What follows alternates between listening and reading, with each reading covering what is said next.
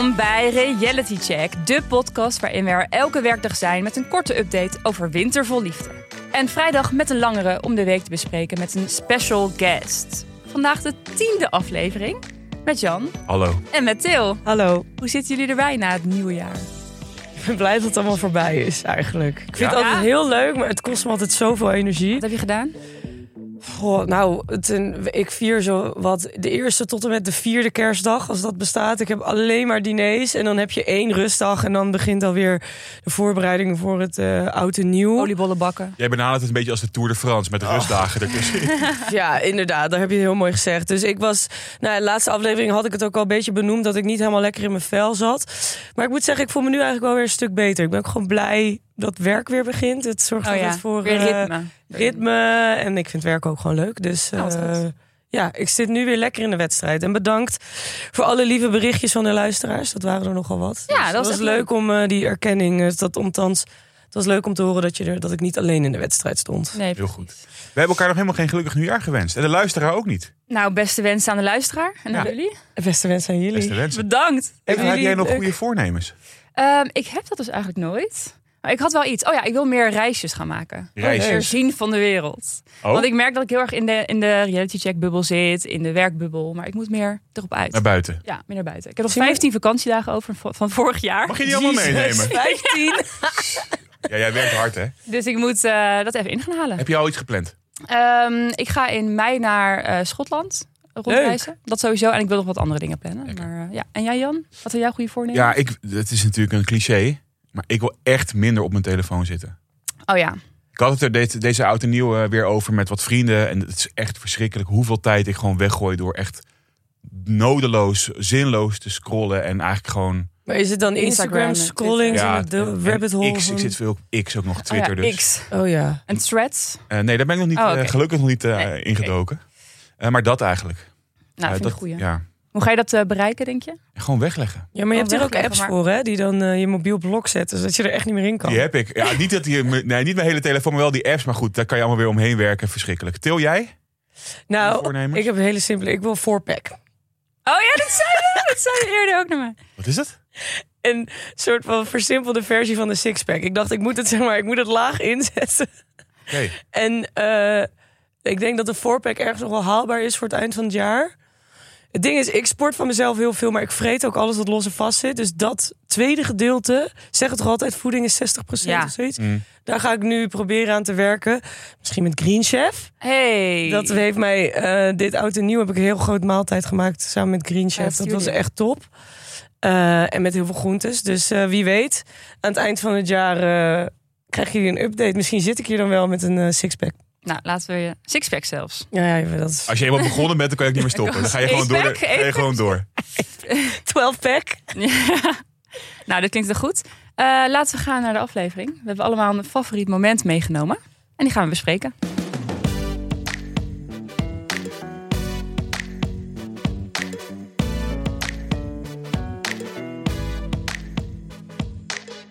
Maar eerst de aflevering in één minuut.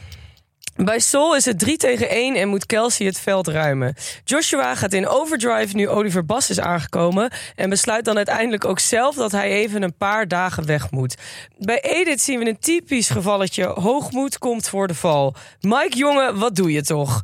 Marco en Joyce de tweede komen dichter tot elkaar... en bij Guido zien we weer een ander stukje bos en sneeuw. Ja, wat een diversiteit daar, hè? Ja.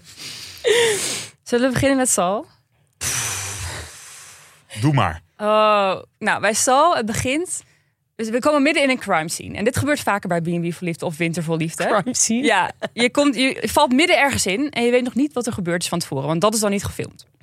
Dus wat we zien is eigenlijk dat ehm, Kelsey die gaat in haar eentje skiën. Of eh, snowboarden eigenlijk. En dan zien we in het huis zelf, zien we Sal, eh, Amy Rose en ehm, Raf, zien we een Mhm. beetje zichzelf klaarmaken. Dus je denkt al van, oké, waarom gaat zij in haar eentje snowboarden? Dan horen we volgens mij als eerst, want dat, is- dit is altijd wat gebeurt. Je ziet eerst de situatie, je denkt al van, er is iets aan de hand. En dan hoor je één voor één, elk personage hoor je vertellen wat er gebeurd is. Wederom weer top verhaal. geëdit Ja, natuurlijk. het hè, wordt ja. top geëdit. Hoog niveau, ja. Ja. Hoog niveau. Dus eerst beginnen we bij, ehm bij Sal volgens mij. En die zegt iets van, ja, Kelsey is altijd zo eh, recht voor haar raap. Dat waardeer ik wel in haar. Maar dan denk je al, maar. heeft ze weer iets gezegd. En dan zegt hij ook van, ja, maar dit kon echt niet. Dan horen volgens mij Kelsey die dan het heeft over dat, dat ze zich niet tussen vindt horen. Eh, dat past allemaal niet. En ehm, dan krijgen we Amy Rose. En die zegt gewoon waar het op staat. Die zegt, ja, ze heeft ons Barbie en plastic genoemd, mij en Raf. Uh, ja. en dat En ze dat- zelf nog puur natuur is, heeft ze ook nog benadrukt. ja, en dat ze zelf puur natuur is. En dat vindt Amy Rose Ja. echt niet kunnen. En ze had haar nog wel ge- geknuffeld van tevoren. En ze had, weet je wel, zo is ze dan ook wel weer, zegt ze dan ook. En dan hoor je volgens mij Sal weer iets zeggen van... Ja, hier heb ik echt iets van gezegd, want dit ging echt te ver. Dus heel langzaam ontrafelt er iets dat iedereen eigenlijk tegen Kelsey, tegen Kelsey keert. Want zij heeft iets verkeerds gedaan. Ja, Ehm, even kijken. maar op zich is het niet gek dat iedereen zich tegen Kelsey keert als je dat soort dingen zegt, toch? Nee, dus maar het vervelende is altijd, wij zien niet wat er echt gebeurd is. En je hebt, is het dan, het is drie tegen één. En Ja. dit klinkt wel zo van, oké, dit klinkt niet heel aardig, maar je weet niet wat van, van tevoren gebeurd Nee, nee. is. En ik denk ook dat Kelsey zich wel echt erbuiten voelt. Ja, Wat ik ook wel heel erg snap. Ja. En dan, ja, dan ga je toch op een bepaalde manier reageren, denk ik. Dat je jezelf naar voren probeert te halen van, maar ik ben niet gek, want ik ben wel anders dan de andere drie, maar ik ben niet ja, raar of ik ben het wel waard of zo. ik denk dat Kelsey zich heel erg eh, buiten de boot voelt vallen. Ja. Niet alleen met eh, Raf en eh, Amy Rose, Ja. maar ook met die hele familie van Sol. Want die zijn allemaal dat soort types tussen aanhalingstekens. Ja, en ik denk dat Sol daarom ook zo persoonlijk opvatte toen Kelsey zei... Het zijn niet mijn mensen. En. Sal dacht, maar dit, zijn dacht wel- ik ook meteen. Ik dacht, het zijn wel Sals mensen. Ja, en dat zei ze ook letterlijk. Ja. Het zijn- maar het zijn wel mijn mensen. Ja. Maar goed, toen ze het dus had over Barbie en plastic en zo, dat ze dat gezegd hadden. Ja. Toen dacht ik opeens, wow, we zitten hier eigenlijk te kijken naar een spin-off van Mean Girls. mean Girls in the Snow. Want de personages lijken ook op de perna- personages van Mean Girls. Kelsey is eigenlijk Katie Heron, zeg maar het personage van Lindsay Lohan. Ja. Eh, en de plastics zijn dus Raf en Amy. En eigenlijk Sal hoort er ook een beetje bij. Ehm, en ik snap dus heel goed, want in de film is het hetzelfde. Dan probeert het hoofdpersonage, dus het personage van Lindsay Lohan, probeert ook... Die wil eigenlijk niet bij de plastics horen. Eigenlijk denkt ze van, ik ben niet hetzelfde als plastic en ik wil er niet bij horen. Maar toch probeert ze er toch bij te gaan horen. Want ze denkt, maar anders ben ik, ben ik niemand. En ik wil toch iemand Ja. zijn. En ik wil het waard zijn. Ik wil... En dat zie ik heel erg hier ook gebeuren. En dat is ook hoe Kelsey denk ik reageert op deze manier. Dus dat vond ik wel interessant. ja, maar het feit dat ze zich ook zo voelt, vind ik wel kwalijk. Want dat komt ook Ja, weer uit komt- het ja. feit dat... Ik denk dat die andere drie ook wel... Nou, ik wil niet zeggen op haar neer hebben gekeken... maar wel haar ook echt gezien hebben als anders. Ja, want als op een gegeven moment Kelsey terug is van skiën, dan zit ze daar in haar eentje in het huis of van snowboarden. En dan komen, komt de hele harem van Stal, ko- komt dan zo aanrijden op die, op die sneeuwscooter. Ja. En dan komen ze binnen en dan, je ziet aan Kelsey heel erg dat ze meteen probeert om contact te maken. Ja. Dat Raf en Amy gewoon dat een beetje negeren. Raf, Raf keurt haar echt Ra- geen blikwaarde. Nee, Raf, die, dat die zegt niet eens is. wat, Nee. inderdaad. Amy probeert nog een beetje iets te zeggen, maar die lopen ook meteen weer weg. Ja. Alsof ze al weten van Sal wil even alleen met Amy, Ja. eh, met eh, Kelsey praten. En dan zegt Kelsey ook van, eh, of zegt Ralf ook, eh, Sal ook van, kunnen jullie even weggaan tegen Mhm. Amy en, en Raf? Dan denk ik al, dit komt best wel lullig over, want dan weet je wel van, waarom moeten ze per se weg? Ja. Hij wil even privé met haar praten, maar toch. Nou goed, en dan zitten ze in die kamer en dan wil hij dus zeggen van, je moet weg. En dan neemt Kelsey het meteen over, want die denkt, die ziet het erbij al hangen. Ja, En- zij wil dan ik krijgt weer een ook- beetje stom. ja, en ze krijgt ook niet eens de kans trouwens om zelf te zeggen van ik, ik zie het eigenlijk ook niet meer zitten. Want ze heeft wel over nagedacht tijdens dat snowboarden. Nou, het gaat allemaal best wel ongemakkelijk en gewoon niet zo, niet zo leuk. En dat, nou, ik vind ik voel, het voelt echt als Mean Girls. En dat vind ik best wel, Ja. best wel een beetje vervelend. Maar horen. eh, als er dan kampen zijn, laten we dan toch even zo verdelen. Zijn jullie Ja. dan kamp Kelsey of kamp eh, Team Sal? ik ben wel Cam Kelsey, denk ik, op dit moment. Als ik dit zo zie, drie tegen één, vind ik dat niet zo. Dat vind ik gewoon niet. Jij, Til? Ja, ik vind het zo'n moeilijke vraag dit. Want ik vind niet dat je mensen mag bevooroordelen... omdat ze plastische chirurgie of, of fillers of whatever hebben gedaan. Nee. Maar ik snap wel dat Kelsey zich misschien in het nauw gedreven voelde. Het ligt er gewoon heel erg aan... Heeft Kelsey zichzelf in die positie geplaatst en gedacht van... ik ben anders dan de rest, dus een kat Ja. in het nauw maakt rare sprongen, sprongen? Of is dit echt, zeg maar, heeft die Raf haar echt soort van geen blikwaardig... Het feit dat Amy Rose haar ook boers noemde, dat vond ik ook een beetje flauw. Mhm. Dat ik dacht van, iemand die stoerder is en niet bezig is met... op die manier met uiterlijk, is niet meteen boers. Dus ik vind het moeilijk eigenlijk. Ik kan Ja. hier niet een straight antwoord op geven. Ik vond eigenlijk wat, alles wat ik heb gezien van Kelsey, vond ik haar Leuk. heel erg leuk. Ja. En Ja. dat ik echt dacht van, jij past hier ook inderdaad niet. Want ja, Ja, je bent... om toch een beetje een waardeoordeel te geven. Ja. Ik denk dat zij leuker is dan, dan Sal en Ja. zijn familie. Ja. eh, of iets anders verdient. Laat ik dan iets, iets vriendelijker zeggen voor die familie. Eh, maar je weet niet wat er inderdaad gebeurd is toen de camera's Ja. niet aanstonden. En als zij inderdaad dingen als Barbie en weet ik veel. Ja, wat jij zei, een kat in het nauw maakt rare sprongen. Ja. Maar dat eh, ja, gaat Ja. misschien wel een beetje ver. En had Sal misschien ook haar eerder al in bescherming moeten nemen... om zo'n situatie niet te laten ontstaan. Ja, zo. Waarschijnlijk is ontstaan waarom ze dat wilde zeggen. Ja. Wat ik Ja. nog even hebben over dat badkamermoment. Dat, Oeh. dat Dat was zo weird.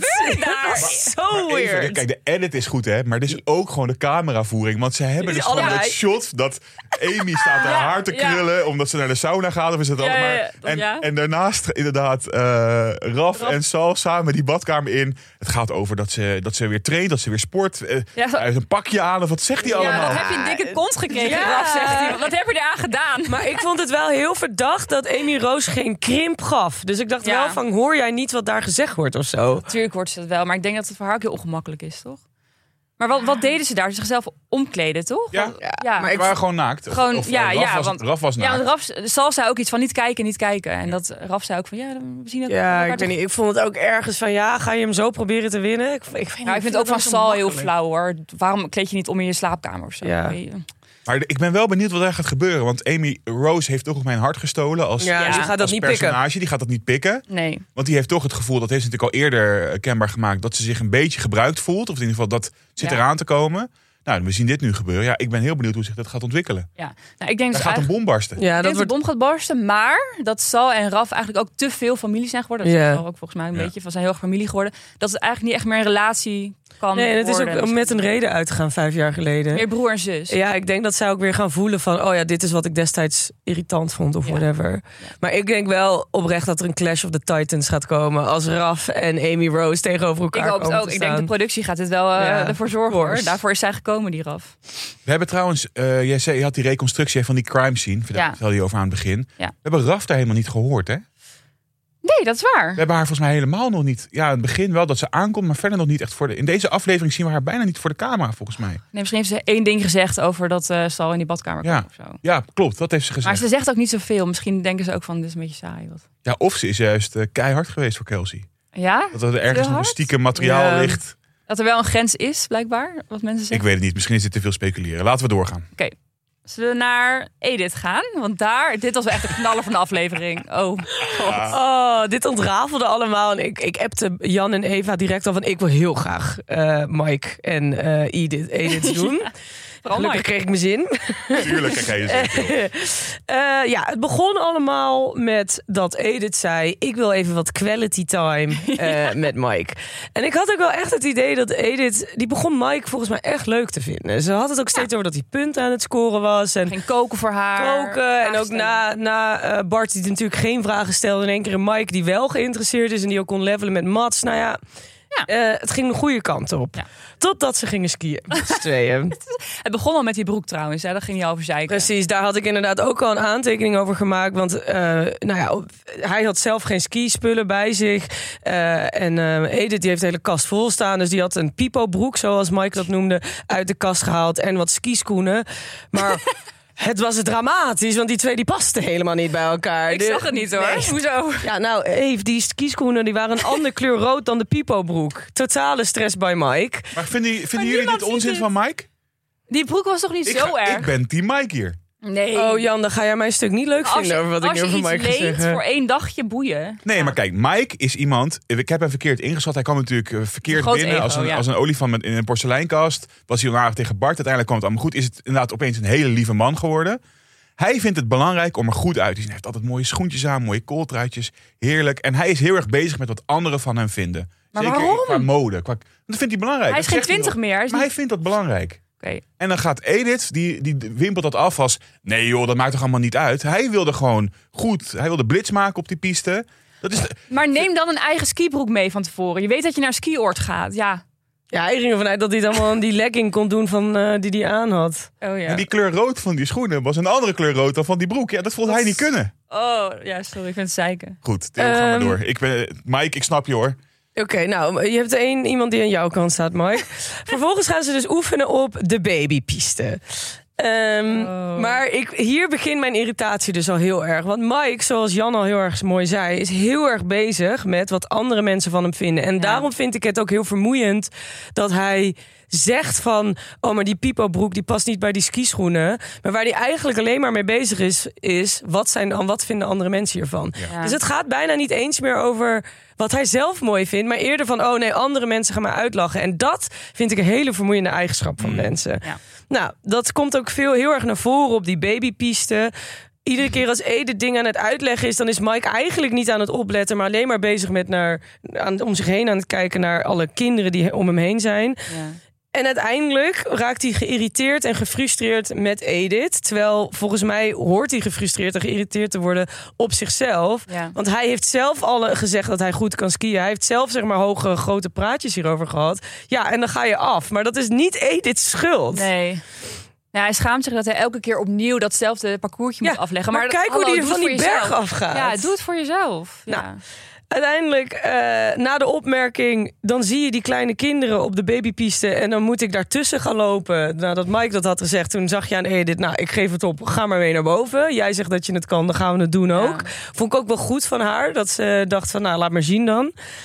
Ja, en daarboven gaat het natuurlijk helemaal mis. Want blijkbaar is het eerste stuk van de blauwe piste... Jij bent een skier, is blauw, wat Ben is ik het ook? ben ik een Ja, skier? Jij bent het meest... Jan ja, was? Mike Ja, jij bent, ja, precies. Is blauw een moeilijke piste? Nee, blauw is volgens mij de makkelijkste. Misschien heb je nog de groene, misschien is die nog makkelijker. Maar blauw is eh, niet heel moeilijk. Oké, nou, dus ze waren op een makkelijke piste. Alleen het beginstukje, dat had Edith al voor gewaarschuwd, die was wel stijl. Ja. En dat, gaat dus zien. ook helemaal mis. Hij is nog geen twee minuten op dat ding. En ik denk dat die jongen echt vijf keer op zijn mel is gegaan op een stuk van vijf meter. Hij ging ook de hele tijd achterstevoren. Ja. En hij klapte steeds dubbel, Dubbel. zo. En dan zegt hij, oh, oh. Hij schreeuwde ook de hele tijd. Oh ja, die- ik had- kreten de hele tijd. Ik vond dat echt geweldig. Die kreten die je moet eigenlijk die scène opnieuw kijken en Ja. je ogen even dicht doen. Als je Alleen, alleen, luisteren naar wat je hoort. Nee, de hele tijd drukken, Druk, drukken. rustig, rustig. Daar kon hij ook En niet Mike zo, ja, ja. Dat ik echt denk, kom op. Ja. Je gaat te snel. Nee, jij gaat te langzaam. Ehm, nou, dus dat gaat helemaal mis. En, nou, hij wordt ook steeds geïrriteerder. Maar wat ik vooral gewoon hier zo fascinerend aan vind... is ehm, dat hij het zo gênant vindt... dat hij op de babypiste moest oefenen... dat hij liever ervan uitgaat dat hij de grote piste... de blauwe piste aan kan... Ja. Terwijl ik dan denk, hoe kan je die conclusie trekken? Hoe kan je de conclusie trekken... ik kan de babypiste aan, niet aan. Ik kan duidelijk de babypiste niet aan, maar ik vind het zo gênant om op de babypiste te oefenen dat ik liever naar de grote piste ga en daar nog veel harder af ga. Want hoe, wat had hij verwacht? Dat het daar dan wel goed ging?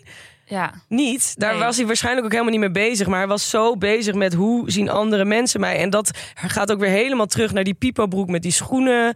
En dat hij alleen maar om zich heen aan het kijken is. Het gaat hem, er niet om hoe goed hij ergens in is of niet. Hij heeft daar liever een blind oog voor. En doet alsof hij het wel kan. Oh, ik merk dat ik het niet eens kan uitleggen. Nee, maar Nee, volgens mij, nee, dus ik snap precies. precies, Ja, wat je ik zit bedoelt. er een Ja. beetje tegen aan te hikken. Misschien kan een van jullie het even voor mij recht trekken. Maar het feit dat hij het zo gênant vindt dat hij liever nog harder afgaat. En dat en doet alsof dat niet gaat gebeuren. Dat vind ik echt fascinerend hoe iemand zo kan denken. Maar hij, kent, hij zegt het op een gegeven moment ook van... hij ziet wel gevaar, maar hij voelt het niet zo. Zoiets zegt hij. Dus hij kent niet echt angst. Dus hij, vindt het, hij denkt dan, ik ga het gewoon proberen. Misschien lukt het me wel. En hij heeft zichzelf totaal overschat. Dat zegt hij op een gegeven moment ook in de camera. Maar ik weet niet of deze beslissing om dan toch maar van die blauwe piste af te gaan... alleen te maken heeft met inderdaad het gevoel van... eh, ik kan niet afgaan ik wil niet dat andere mensen me een sukkeltje vinden. Maar dat hij ook denkt, ach, ik kan het wel. Ik ga het gewoon proberen. Ik zie wel wat er gebeurt. Nee, ik denk echt dat het alleen maar te maken heeft met dat hij zich zo erg schaamde op die babypiste. Moest wel weer opnieuw dus terugdenken aan mijn ervaring met... Ik moest er ook aan denken, Jan, toen ik het zag. Zag jij er ook zo uit? Eh, nou, ik was met Jasmijn deze aflevering aan het kijken en ze zei: Nee, jij was beter dan Mike. Dus Oké, nou dat, eh, dat doet me wel goed om dat te horen dat eigenlijk. heb ik. Maar ik denk dus wel, mijn take was vorige keer bij Benjamin en Jeroen. Benjamin die Jeroen eh skiles ging geven. Dat ging veel te makkelijk, veel te soepel. Nou, daar zat geen liefde in, was mijn idee, omdat er dan te weinig spanning was. Nu was er heel veel spanning. Dus het zou ook, zeg maar, qua liefdesvlak, zou het dat kunnen zijn. Edith zegt natuurlijk wel, eh, Mike die daalt weer in een aantal punten. Dit was weer een, eh, een zware dag voor hem.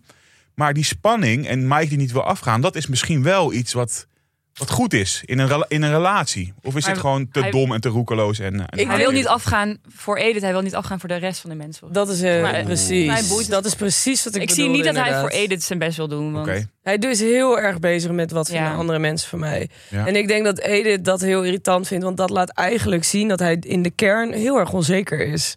Hmm. We zien trouwens ook later, dan zitten ze op een bankje, toch?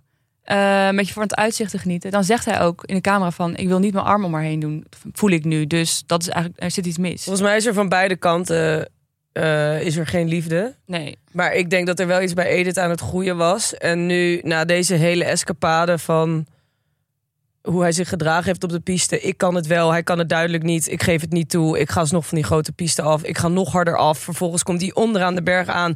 Is hij alsnog geïrriteerd en schaamt hij zich nog meer. Dat ik denk, Ja. van, ja, gast, je hebt jezelf allemaal voor gekozen. En als kerst op de taart gaat hij op die bank Oh, zitten om die ja. skischoen uit te trekken, tief die bank die- En toen was het ook echt klaar. dan zegt Zijn hij ook- hoofd... Ja, dan zegt hij ook, wat moeten die mensen wel niet denken? Ja. Dus dan zit hij Ja. weer aan die mensen. Zo onzeker. Ja. Zo Oh my, onzeker. En dat vind ik jammer, want ik denk, het is niet erg om onzeker te zijn.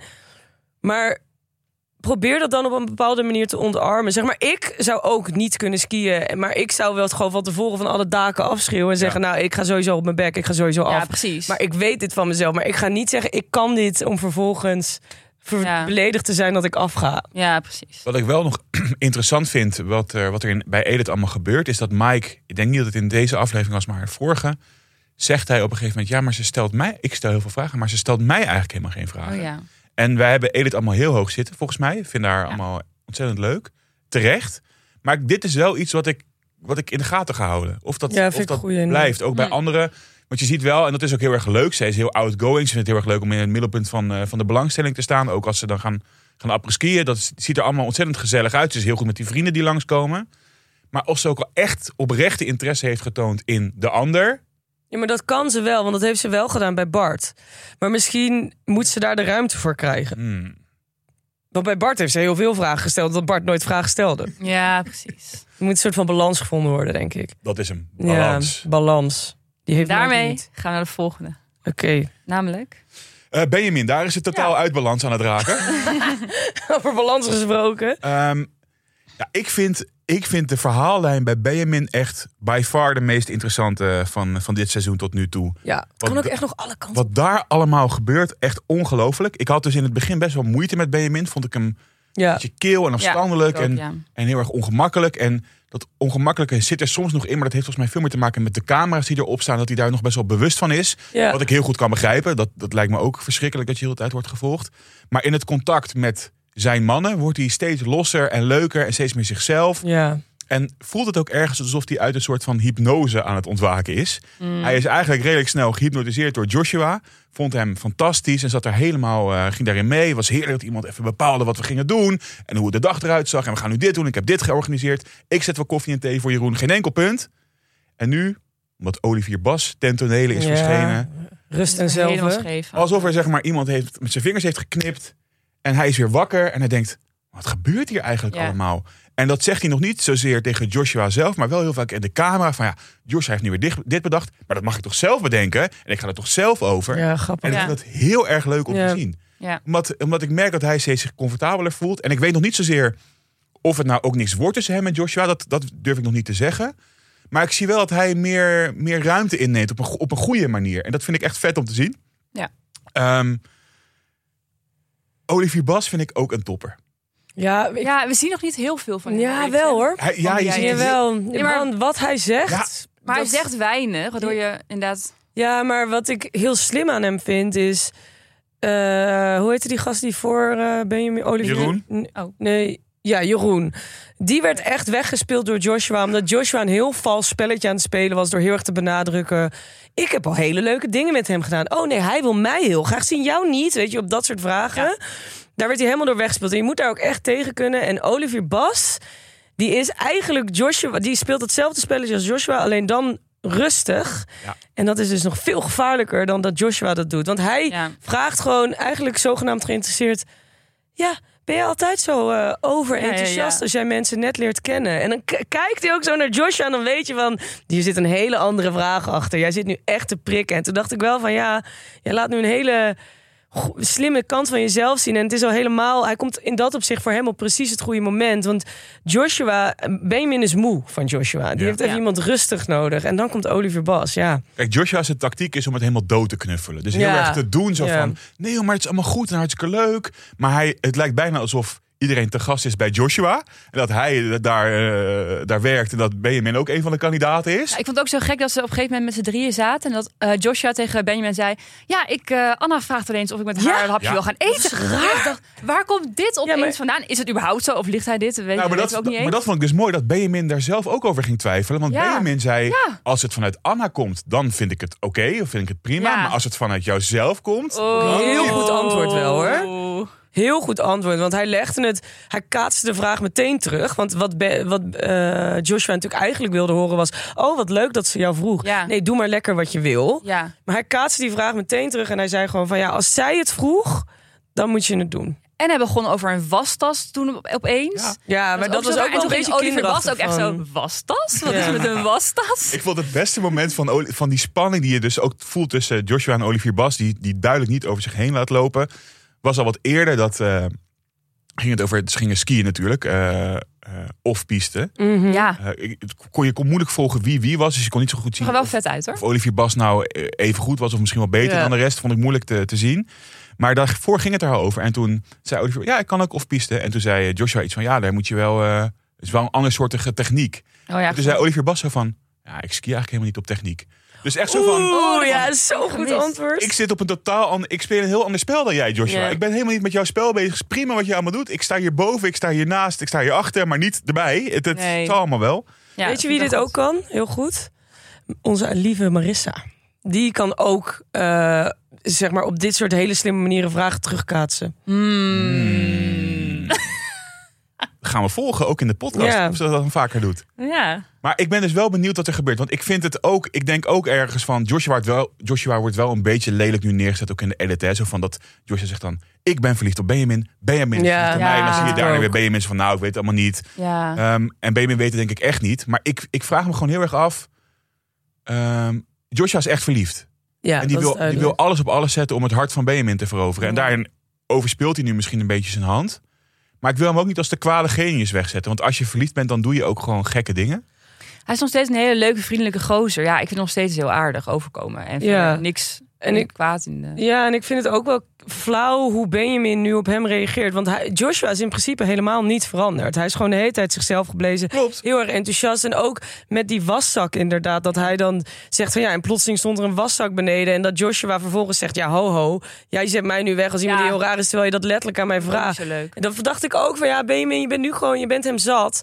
Maar zeg dat dan. Maar ga dan nu niet zeg maar zo kinderachtig zeggen. Ja, in één keer stond er een waszak. Of heel negeren en zagrijnig. Ja, maar moet doen. je voorstellen dat je dus heel de tijd denkt dat iets waar is? Het is een beetje de Matrix. Dat je denkt, het zit zo en uiteindelijk zit het heel anders. Ja, dat En, en, zijn. en Benjamin is echt aan het wakker worden en denkt van, oh, maar dit, ik wil dit misschien eigenlijk helemaal Ja. niet. Ik vind het veel fijner als ik met een, inderdaad, een Olivier Bas, hele rustige jongen omga. Ja.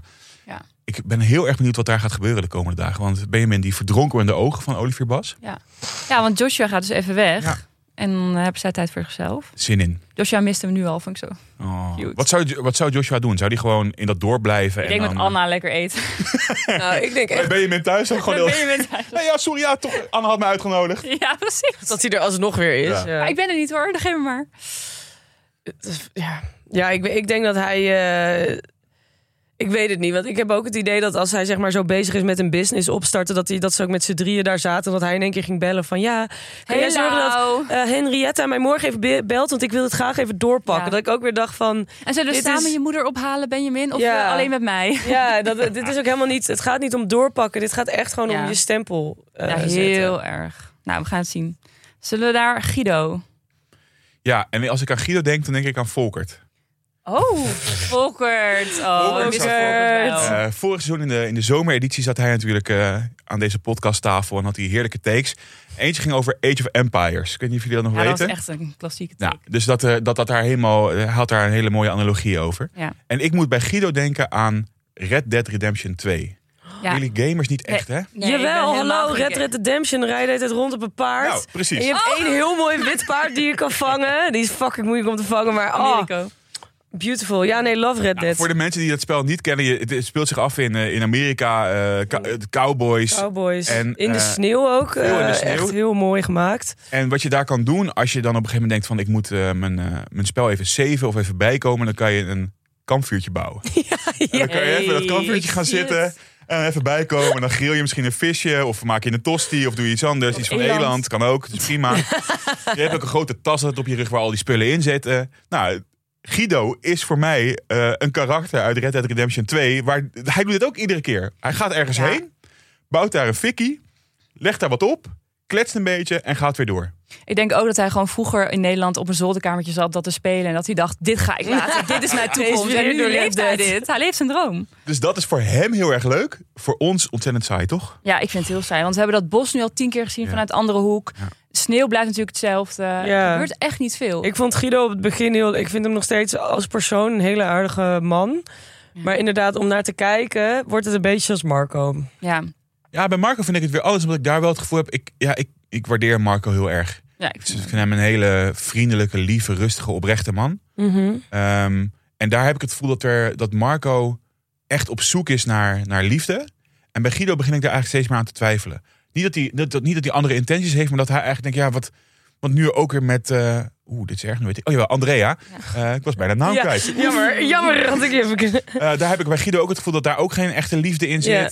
En Andrea heeft dat gevoel eigenlijk ook al een beetje. Dus daar heb ik, ja...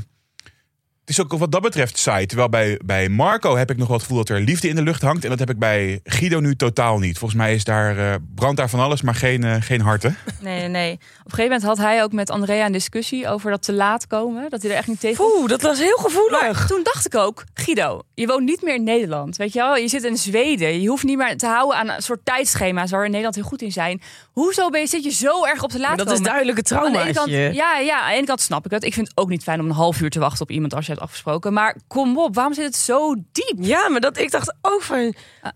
Er gaat echt, er, er, gaat, er, Ja. er wordt iets, de, de box of Pandora wordt hier even opengemaakt. Ja, Zo ja. fel reageerde hij op een Ook- ook onderwerp omdat- ik dacht... Precies. Ook omdat Andrea wel heel erg is van af en toe een beetje te laat komen. eh, Het kan gebeuren. Dat vond ik wel... eh, Ja, maar ik vind er ook wel verschil tussen zitten dat je dan, eh, weet je, als wij met z'n tweeën uit eten zouden gaan en ik laat jou vervolgens een half uur wachten op mij, ja, dat is echt wel asociaal. ja. Maar als je vijf à tien minuutjes te laat komt, is het alsnog irritant, maar niet zo erg als dat Guido dat nu maakt. toch? Precies, en in Zweden boeit het allemaal niet. Ja, dat kampvuur blijft wel aan. Ja, het is niet dat, dat je eet het dan. Weet je, ik vind het gewoon zo flauw. dat Ik denk, je woont niet meer in Nederland, Guido. Laat het los. En ik denk eigenlijk ook, dat ik opeens zat te denken... ik denk dat Guido iemand is die in Nederland hele grote problemen heeft. Ja, dat hij eerst voor weg En dat hij ergens voor weg is gegaan. Want hij was ook Opeens heel stellig ik- over dat hij niet terug gaat naar Nederland Ik vond ook. het opeens heel gek. Ik dacht, of hij heeft daar een soort er drugskartel opgebouwd. Of... Wat gebeurt hier nou? Opeens? Oh. Ik- Opeens zag ik het helemaal voor me. Ik Moeten dacht, wij ook hij een spin-off krijgen van eh, Hij is Guido? gevlucht, ja. En dan over zijn leven. Mhm. Wat hij erachter heeft gedaan. Ja, hij is gevlucht uit Nederland. Ja, denk ik echt. Nee Eh, joh. Wel, Jawel, ik vind het een echt? hele leuke Ja. eh, analyse. Wat denken jullie? Ik denk drugskartel. Maar er was toch ook laatst een van een raar nieuwsbericht over zijn ex-vrouw? Of is dat al besproken? Ja, dat ook. Over zijn ex van 12 jaar waarmee hij naar Zweden is verhuisd. Die ex zei opeens dat hij heel eh, narcistisch is. Ja, die had eh, in, bij RTL Show Nieuws. Maar Jan denkt, places. Bij RTL Shownieuws. Eh, Heet dat niet zo? Wat is het Je hebt Shownieuws? Boulevard en Oh. je hebt Shownieuws. Dat ik jou dit Duidelijk moet niet mijn vertellen, Til. Ja, precies. Ja. Ja, ik vind... misschien... eh, maar exen moet je denk ik niet, Nee, oké. niet nee, gelijk eh, laat ook een beetje- Nee, dat Maar- vond ik ook wel flauw dat zij dat. Maar Goed. ja, het zet je wel aan het denken en het onderbouwt deze theorie van eh Eve. Dus Ja. dat vind ik dan wel weer leuk. Maar ik vind het wel een pittige theorie. Misschien is hij zelfs wel strafbaar, Eva, wat je hier zegt. Dat je hem hoezo? gewoon zo criminaliseert. Nee, dit is speculeren. Dat mag toch? Ja, want Lastig en smaad misschien wel. Jan, stop. Guido, als je wil, kan je wel helpen hoor met een aanklachtje indienen. Als ik een Oké, percentage nee, krijg. dit loopt uit de hand. Marco dan nog eventjes. Ja, ja, want daar bloeit wel echt iets op, hè? Ik vind van wel. Ja, ik vind het heel leuk om te zien.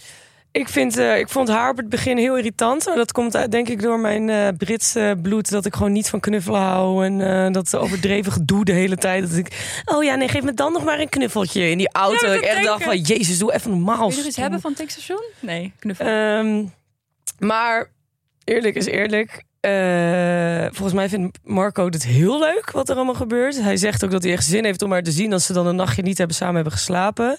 Ik denk dat hij het ook stiekem ergens wel fijn vindt dat zij weet dat zij ook met kanker te maken heeft gehad. Dus dat ze dat begrijpt hoe heftig zoiets kan zijn.